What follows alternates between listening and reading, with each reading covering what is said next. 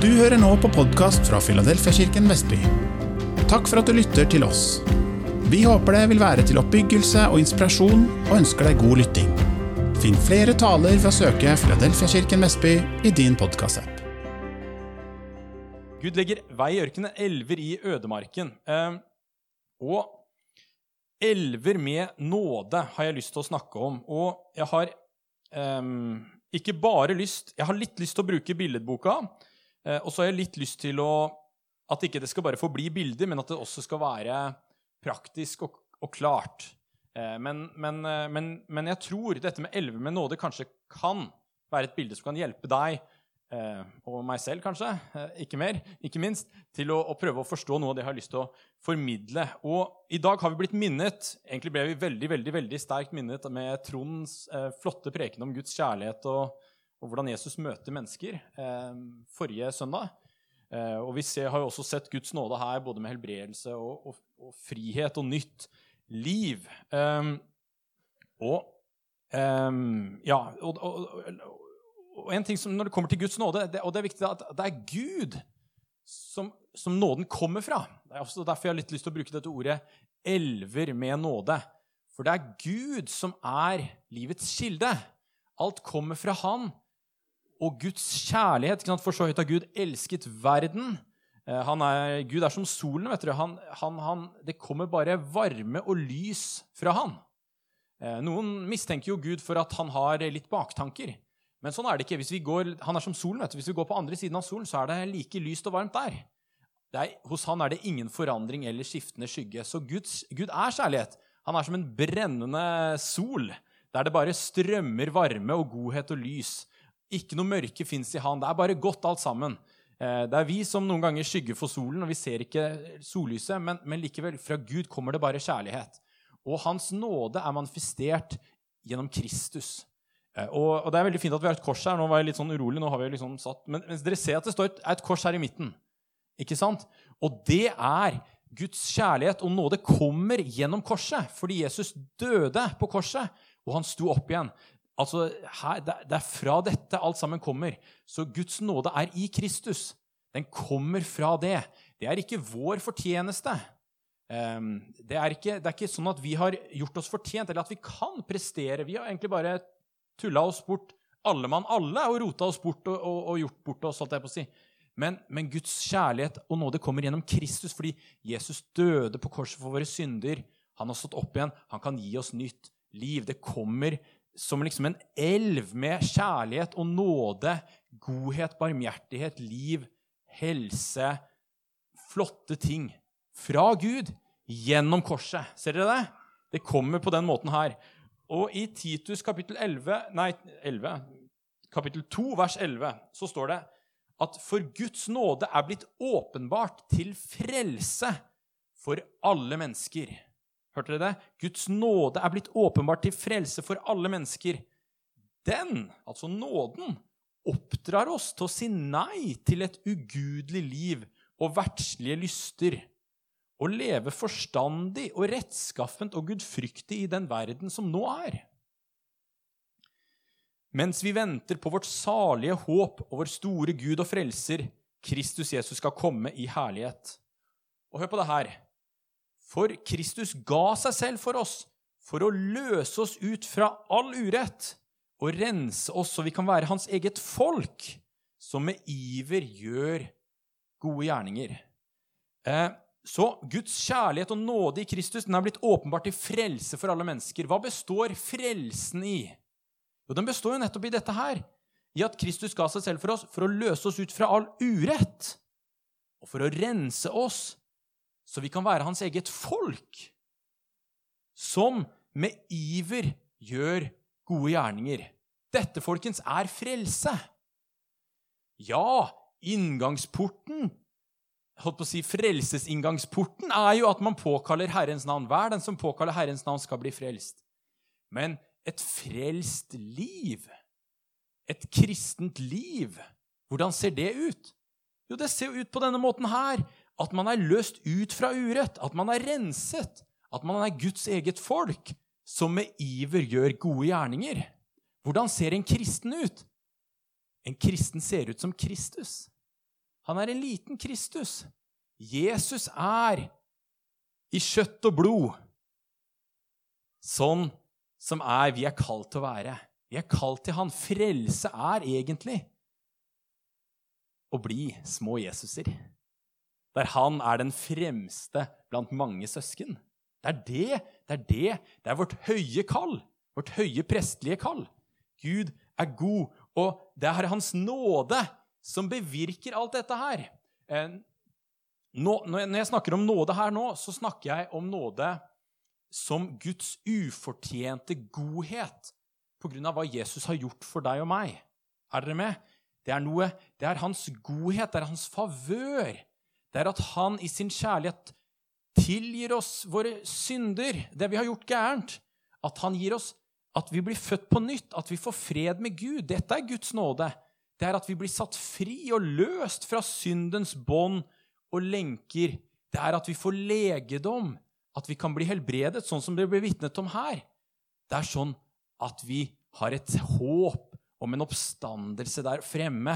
Vi skal til og med en dag få et herliggjort legeme der denne gamle, skrøpelige kroppen skal bli forvandlet. Det er frelse, det. Det er full frelse. Det er, det, er, det, er, det er, Guds nåde og store kjærlighet, og alt sammen kommer fra det Jesus har gjort. Og, så, så det er viktig, det, at alt kommer fra Gud og fra Kristus. For han, det kommer fra korset. På den måten blir Kristus alt i alle. Alle godene, alt Jesus sa også det. Uten meg kan dere ingenting gjøre. Vi er som en grein på vintreet. Uten han. Alt kommer fra han. All tilgivelse kommer fra han, all helbredelse kommer fra han, all kraft, alt nytt liv. Dette nye livet, der vi med iver gjør gode gjerninger, der vi bærer god frukt for Gud, der vi bærer åndens frukt, der vi gjør ting for Herren, dette kommer fra Jesus. Eh, men hadde, min tittel er da 'Elver med nåde'. Og, og det, så, så, samtidig som det kommer fra Gud og fra korset og fra Jesus, det han har gjort, ufortjent, så kan vi si at Gud på en måte har elver med nåde. Nå er det litt billedboka her, men nå må dere henge med. Så se, Her ser vi korset. Her kommer liksom Guds godhet og ufortjente gaver og velsignelser osv. fra. Men så renner det liksom elver med nåde. Og her har vi jo en elv. Ser dere, Her kommer elven, den midt mellom dere der. Der kommer én elv. Ser dere det? Og så kommer det en annen elv. Den, den, den, går her. Den går mellom her, og så går det en elv der. Dere henger med? Hvis dere nikker litt, så vet jeg at, at alt, er, alt, er, fint. Så hva mener jeg? Altså, Tenk på hva det står om de første kristne. Det så De holdt trofast, de, de holdt trofast fast på Kristus. Ja, definitivt. Men én ting de holdt fast på, det var apostlenes lære. Guds ord. Og La meg bare prøve å vise det her. For Gud har så lyst til å velsigne deg. Han har lyst til å tale til deg. Han har lyst til å tale sannhet til deg. Han har lyst til å gi deg visdom. Ikke sant? Og Guds ord er en sånn elv med nåde. Guds ord. Eh, så, så, og, og, den har Gud på en måte Det er et uttrykk for Hans nåde, hvis vi kan se på det sånn. Eh, at det nesten er en elv. Så har Gud her lagt og gitt oss en bok som, som, forteller oss om Jesus, og hvem Gud er, og masse sånne ting. Og alle som har lest i Bibelen, vet at av å lese Bibelen så kan du bli velsignet. Er, er dere med? Det er en elv sånn. Og, og, og det, det, er ikke boken i seg selv, papirene. Eh, og det er ikke egentlig det å lese i seg selv heller som er forskjellen. Men det er når et person leser i tro, dvs. Si i tillit til Jesus, så kan Gud møte deg gjennom denne boken. Du kan høre Guds stemme. Du kan få svaret på de tingene du lurer på. Det er ikke, det er ikke sånn boken i seg selv, men det er Det kommer fra Kristus. Ser dere? Det er som at, at, at den elven At hvis du For det er jo det verste, er jo at man faktisk kan ha Bibelen liggende der i bokhylla og støve ned. Og du blir ikke velsignet i det hele tatt. Men så en dag Ok, Jesus, jeg vil høre fra deg. Så åpner du boka, begynner å lese. Og hva skjer? Kommer Guds nåde til deg? Plutselig begynner Gud å tale til deg. Ser dere det? Det strømmer nåde. Og mange som har begynt å lese Bibelen, vil oppleve at deres sinn forvandles. De hører Guds stemme. Det blir velsignelser. Så her er det akkurat som at Gud har lagt en elv i ødemarken. Tenk hvor, hvor folk er så tørste, vet du. Det er ikke et ord fra Gud. Jeg har ikke hørt noen ting. Det er helt stille for dem. Men der, ved siden av dem, ligger denne boken. Hvis de bare kunne åpnet den, og i søken til Herren begynte å lese Hva kan skje? Det kan skje masse. Ser dere det? Det er en elv. En elv. De holdt trofast fast ved apostlenes lære. En annen elv så har du lyst Og det her er jo en utfordring til meg og deg. Har du lyst til å høre fra Gud? Er det lenge siden du har hørt fra Gud? Trenger du visdom? Kanskje det enkle skrittet ved å åpne din bibel og begynne å lese den. Ikke fordi du skal lese i Bibelen som det er viktig å lese i Bibelen, men fordi du har lyst til å få tak i noe fra Herren. I tillit til Jesus. Da kan du bli velsignet det, det, det kan velsigne deg. Det er, en, det er, en, elv med nåde. Skjønner du det? Alt sammen kommer fra Gud, fra, fra Jesus Kristus. En annen elv som de holdt fast ved, det var bønnene. Det var bønnene. Det står det i, i, i Apostelens gjerninger 2. De holdt trofast fast ved bønnene. Og dere, eh, vi, vi hadde jo besøk for en tid tilbake av han Fagervik eh, Håkon Fagervik, som er en sånn, han snakket så varmt om bønn. Og er det én ting det er åpenbart med han, er at han har hoppet inn i, i bønneelven, for å si det sånn. Og han har funnet ut at wow! Når jeg ber, kan jeg ha fellesskap med Jesus. Jeg kan få bønnesvar på alle disse tingene jeg lurer på. Oh, det er så, ikke sant? Hva er det han gjør? Han er der i denne elven og plasker. Og blir velsignet. Ikke sant? Og folk lurer på hva er det det her og, her, og igjen, det er ikke bønn for bønnens skyld. Det er jo mange som ber dag og natt uten å ha kontakt med Gud. Fordi de ikke ber til Jesus. Da ber du bare Da, da, da skjer det ingenting. Hvis du bare ber sånn til eh, andre guder, ikke til Jesus Da, da, da det, det, er ikke der det er ikke, det er ikke der det, det flommer fra. Kilden er Gud gjennom Kristus. Fordi Jesus har dødd og stått opp igjen. Og tenk på det, at her dere ligger det elver i ødemarken. Tenk så mange mennesker. De sitter der fast i sin synd, i elendighet. Det er tørt og trått og fortvilt og vanskelig. De har ingen kjennskap til Gud osv. Hva sier Skriften? Den sier at hver den som påkaller Herrens navn, hver den som påkaller Jesus, skal bli frelst. Så tenk det, at Gud har en elv her som renner forbi. Et menneske har mulighet hvert eneste øyeblikk til bare å si Jesus, frels meg. Og da, når han ber den bønnen, så er det ikke noe kraft i de ordene i seg selv. Men når han ber til Jesus, så er det akkurat som at Gud tar over og virker ved at han åpner himmelen for personen. Og Guds herlighet kommer ned. Personen blir født på nytt. Om noen er i Kristus, er han en ny skapning. Det gamle er forbi, alt er blitt nytt. Ser dere det? Hvilken elv, elv med nåde! Hvis du ber! Så Og dere venner, Gud elsker oss Jesus ga sitt liv for oss. Han vil velsigne oss. Han er som denne solen som brenner med lys og varme hele tiden. Det er ingen skygge hos han. Vil han forandre ditt liv? Vil han bruke deg for uh, sitt rike? Vil han gjøre deg til en person som med iver gjør gode gjerninger og osv.? Ja, han vil det. Og han legger elver med nåde i din vei. Vil du tro han? Han, ikke, han, han gjør det ikke. Gud, Gud, gjør ikke ting uavhengig av oss. Han, han, presser seg ikke på. Det er klart, Gud kunne jo bare pff, dyttet, dyttet over, uh, over, din vilje og bare hatt sin vei. Han, han, er ikke sånn. Men han lar det renne en elv ved siden av deg og meg. der han sier 'Vær den som påkaller Herrens navn, skal bli frelst. Man kan be. Ser du det? Hvis du vil be. Hvis du vil be, så kan du oppleve den derre elven av nåde. Og det er ikke bare det, ikke sant? Eh, eh, ofte eh, i, i, litt sånn teologiske termer så snakker man noen ganger om nådemidler. Ikke sant? At vi kan få nåde gjennom Guds ord, ordets forsynelse, evangeliet. Vi kan få nåde gjennom det å kalle sakramenter eller nådemidler, eller hva vi nå skal kalle det. At, at, at nattverd også er jo, er jo, også en sånn eh, Det er ikke bare at vi spiser litt brød og drikker litt saft. Det, det er på en måte vi minnes Herren.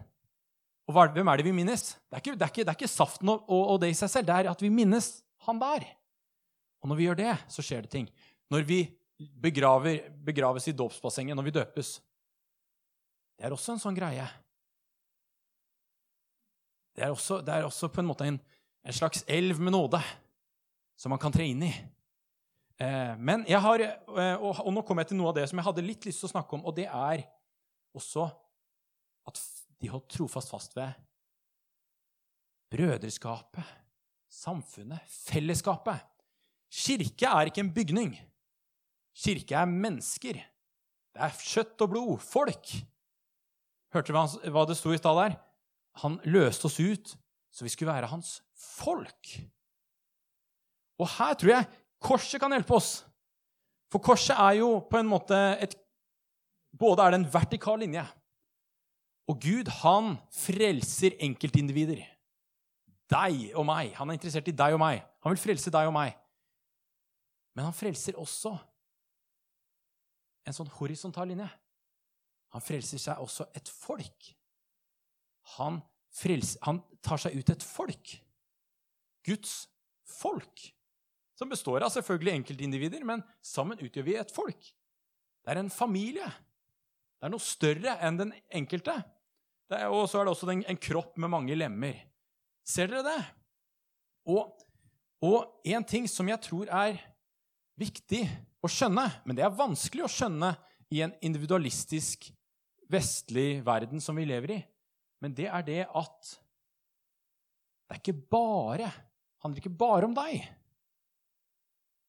Det er også et vi, et oss. Og jeg fikk en liten sånn jeg tror det var Gud som talte litt til meg om det.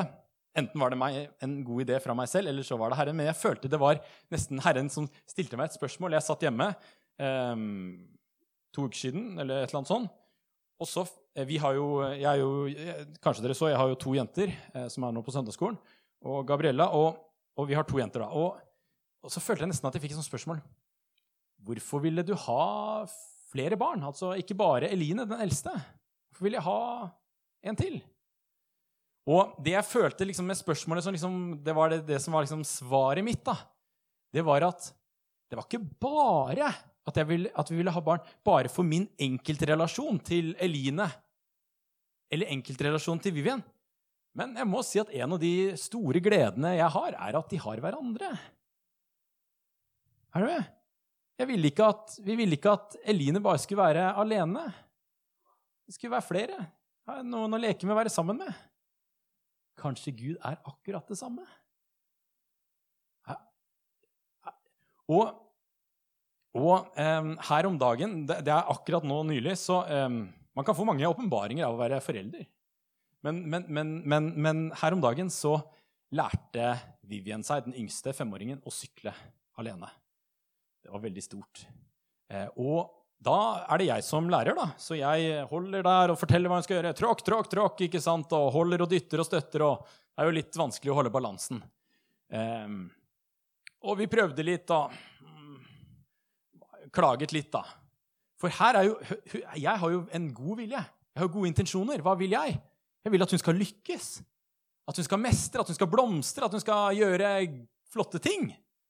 Gode gjerninger, for å si det sånn. da. Eh, men eh, det var jo litt vanskelig, vanskelig å klare å holde balansen og sykle. Får ikke til. Eh, og jeg prøvde da. Jo da, du klarer det, osv. Men så kom Eline, som er storesøsteren. Sa 'Vivian, du klarer det!' Og så, og så kanskje var det et, et halvt minutt der Eline, storesøsteren, hjalp Vivian og oppmuntret henne litt og dyttet henne litt. Så tok jeg over. Og vet du hva? Et par minutter senere så klarte hun å sykle ti meter. Og dagen etter, da hadde vel hjernen jobbet med det hun hadde lært, så syklet hun masse. Og hun var så glad! Jeg tror hun kjente den der mestringsfølelsen der det kribler i hele kroppen. Hun var sånn 'Pappa, jeg er glad!' Og jeg ble glad, jeg også, ikke sant? Det var jo fantastisk. Og vet du hva? Sånn er det jo med Gud òg. For Gud vil at du skal ha et flott liv. Han vil velsigne deg, han vil at du skal blomstre med masse god frukt osv. Og, så og kanskje det som skal til for at du skal bli alt den blomstrende mennesket som Gud vil at du skal ha, det er ikke bare at du skal sitte alene med bibelen din. Det er ikke bare at du skal sitte der og be. Men du skal gjøre som de første kristne. De holdt fast ved fellesskapet. For det er også en elv. Det er også en elv. Jesus sa, 'Hvor to eller tre er samlet i mitt navn, der er jeg midt iblant dem.' Det er akkurat som at det blir sterkere trøkk på bønnen når vi kommer sammen. Eh, i, i, i, når vi kommer sammen, så hører vi også Guds ord. Og vi kanskje hører noen fortelle noe som man ikke har hørt før. Altså, Her kan vi tjene med ulike nådegaver. Tenk på den helbredelsen vi nettopp hørte om. Hvor ble det formidlet? I fellesskapet av troende. Der fins det overskudd av nåde. Overskudd av godhet. Det er også en elv med nåde. Eh, I Romerne kapittel eh, 12 så står det på denne måten her. Der står det På samme måte er vi alle én kropp i Kristus, men hver for oss er vi hverandres lemmer. Vi har forskjellige nådegaver. Alt etter den nåde Gud har gitt oss. Den som har profetisk gave, skal bruke den i samsvar med troen. Den som har tjeneste, skal ta seg av sin tjeneste. Den som er lærer, skal undervise, og den som trøster, skal virkelig trøste. Den som gir av sitt eget, skal gjøre det uten baktanker, og den som er satt til å lede, skal gjøre det med iver. Den som viser barmhjertighet, skal gjøre det med glede. La kjærligheten være oppriktig. Avsky det onde, hold dere til det gode. Elsk hverandre inderlig som søsken. Sett de andre høyere enn dere selv. I fellesskapet kan også Guds nåde manifesteres. Ånden gir seg til kjenne på ulike måter. Det er den samme ånd. Du har ikke fått en annen hellig ånd enn meg. Vi har den samme hellige ånd. Men vi er jo alle litt forskjellige. Og Guds nåde manifesteres på litt ulike måter. Og det er noe godt og liflig når vi kommer sammen i fellesskap. Og nå snakker jeg ikke om en kirkebygning her. Jeg snakker om fellesskapet mellom troende. Her fins det nåde. Her kan vi bidra og betjene hverandre på ulike måter til at det blir til oppbyggelse. Og i Jakob kapittel eh, 5 så står det også litt om det her. Står det, er noen blant dere som lider, da skal han be. Er noen glad til sinns, da skal han synge lovsanger. Nå leser jeg fra Jakob 5, 13. Er noen blant dere syke? Han skal kalle til seg menighetens eldste, og de skal be over ham og salve ham med olje i Herrens navn. Da skal troens bønn redde den syke, og Herren skal reise han opp. Har han gjort synder, skal han få dem tilgitt. Så kommer det noe interessant her. Bekjenn da syndene for hverandre og be for hverandre, så dere kan bli helbredet. For et rettferdig menneskes bønn er virksom og utretter mye. Elia var et menneske under samme kår som vi. Han ba inderlig om at det ikke måtte regne, og i tre år og seks måneder falt ikke regn på jorden. Så ba han på ny. Da ga himmelen regn, og jorden bar igjen sin grøde. Dere, Gud elsker oss. Han elsker deg og meg, og hans nåde strømmer der. I klagesangene så står det at hans nåde er ny hver morgen. Hva betyr det? Det betyr at Gud har nåde for deg og akkurat det du trenger i dag, hver eneste dag. Så ikke skyld på Gud hvis du sitter fast i ting. Det er nåde. Han sier, 'Kall på meg'. Han sier, som det står i Salme 1, eh, at den som grunner på Herrens ord, er jo som dette treet som blomstrer. Ikke sant? Og her også har vi et eksempel at Og, det, og, og, at, at fellesskapet også kan være viktig. Og kanskje noen ganger løsningen for at folk virkelig skal blomstre.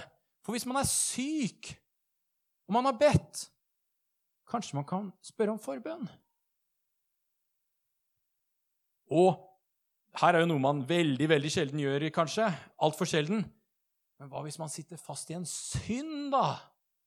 Som har punktert ditt kristenliv? Du vet, Man kan rulle som kristen, være fylt av ånden, være fylt av luft, ikke sant? og det ruller bra. Og så kommer man inn i en synd som man ikke helt får orden med. Det, vi, kan jo, vi kan jo bestemme for Herren vår synd, og så blir vi tilgitt og oppreist. Men hva hvis det er en eller annen tilbakefallende greie?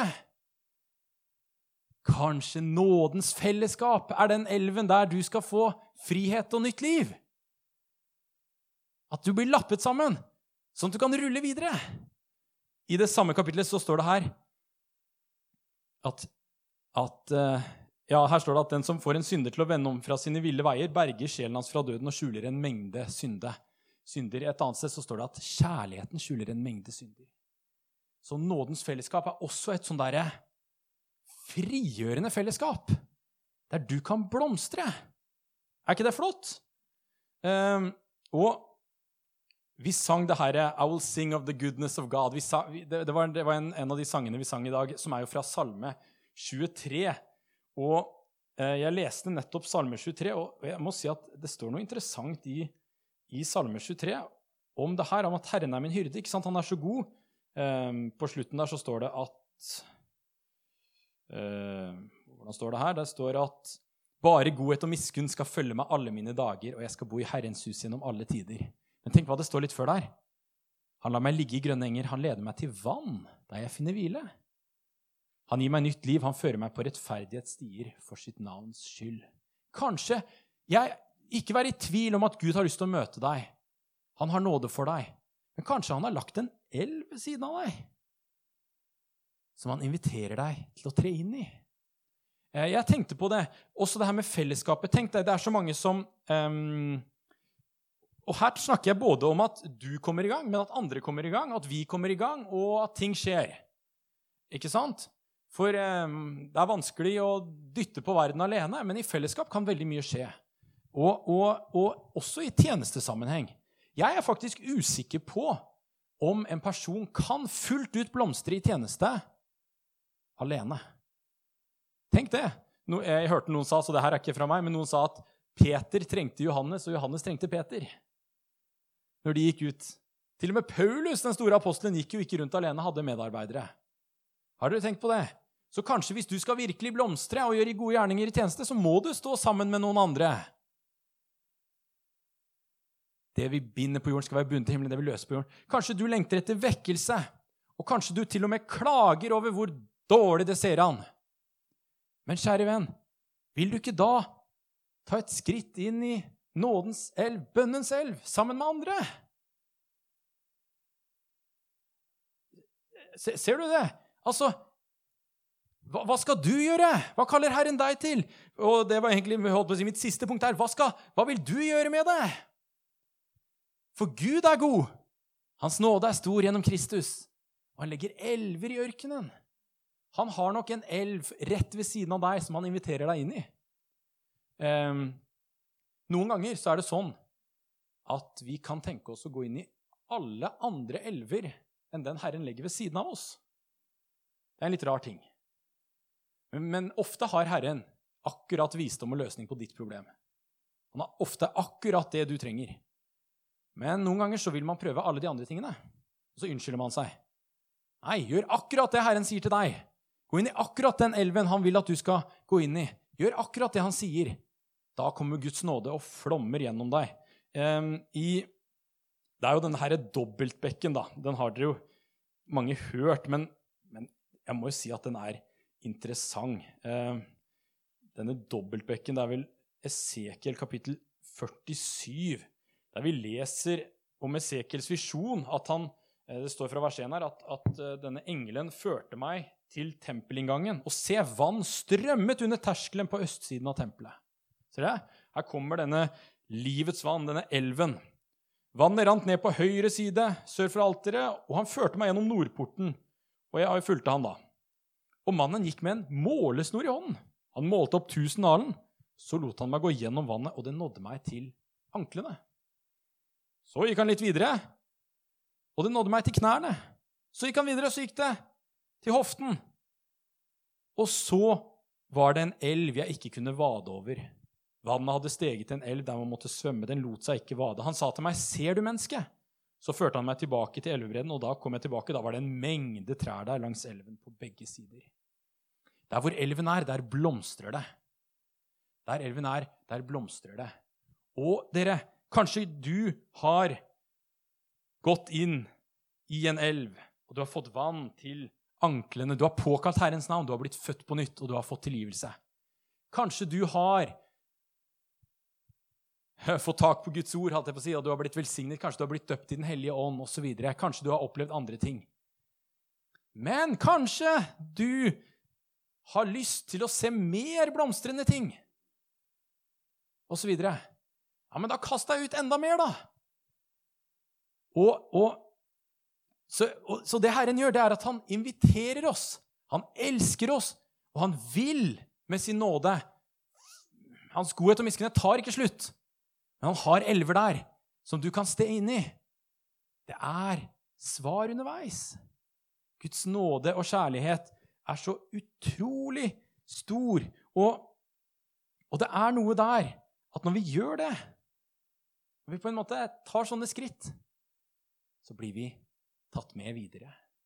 For Guds kjærlighet og nåde For, for altså, hadde aldri Paulus da vært der Han var visst litt alene, virker det som, da han var i Tarsus. Vi vet ikke helt hva han gjorde, Men Barnabas fant han og dro han med til Antiokia.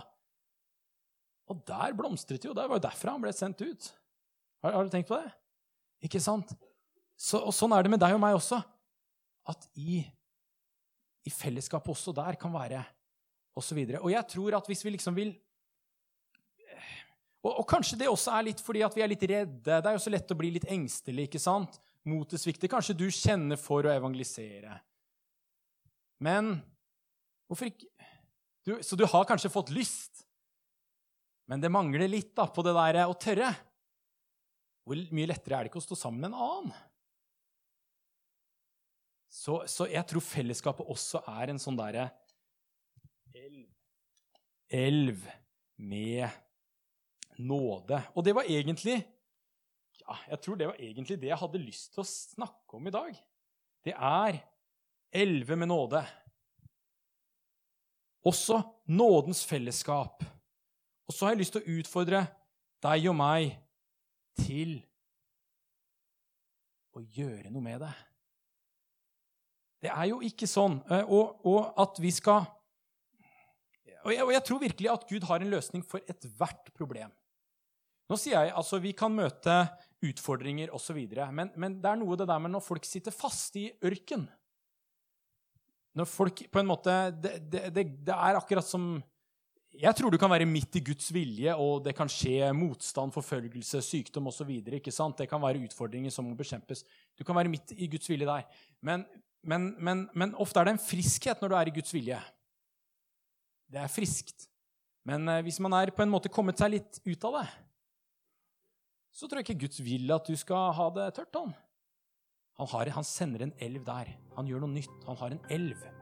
Du kan tre inn i den. I tro til Han. Og så vil du bli rikelig velsignet. Er du nysgjerrig på Jesus og har lyst til å lære mer? Da er du hjertelig velkommen hos oss i et varmt og inkluderende fellesskap. For møteoversikt, aktiviteter og mye mer, se filadelfiavestby.no.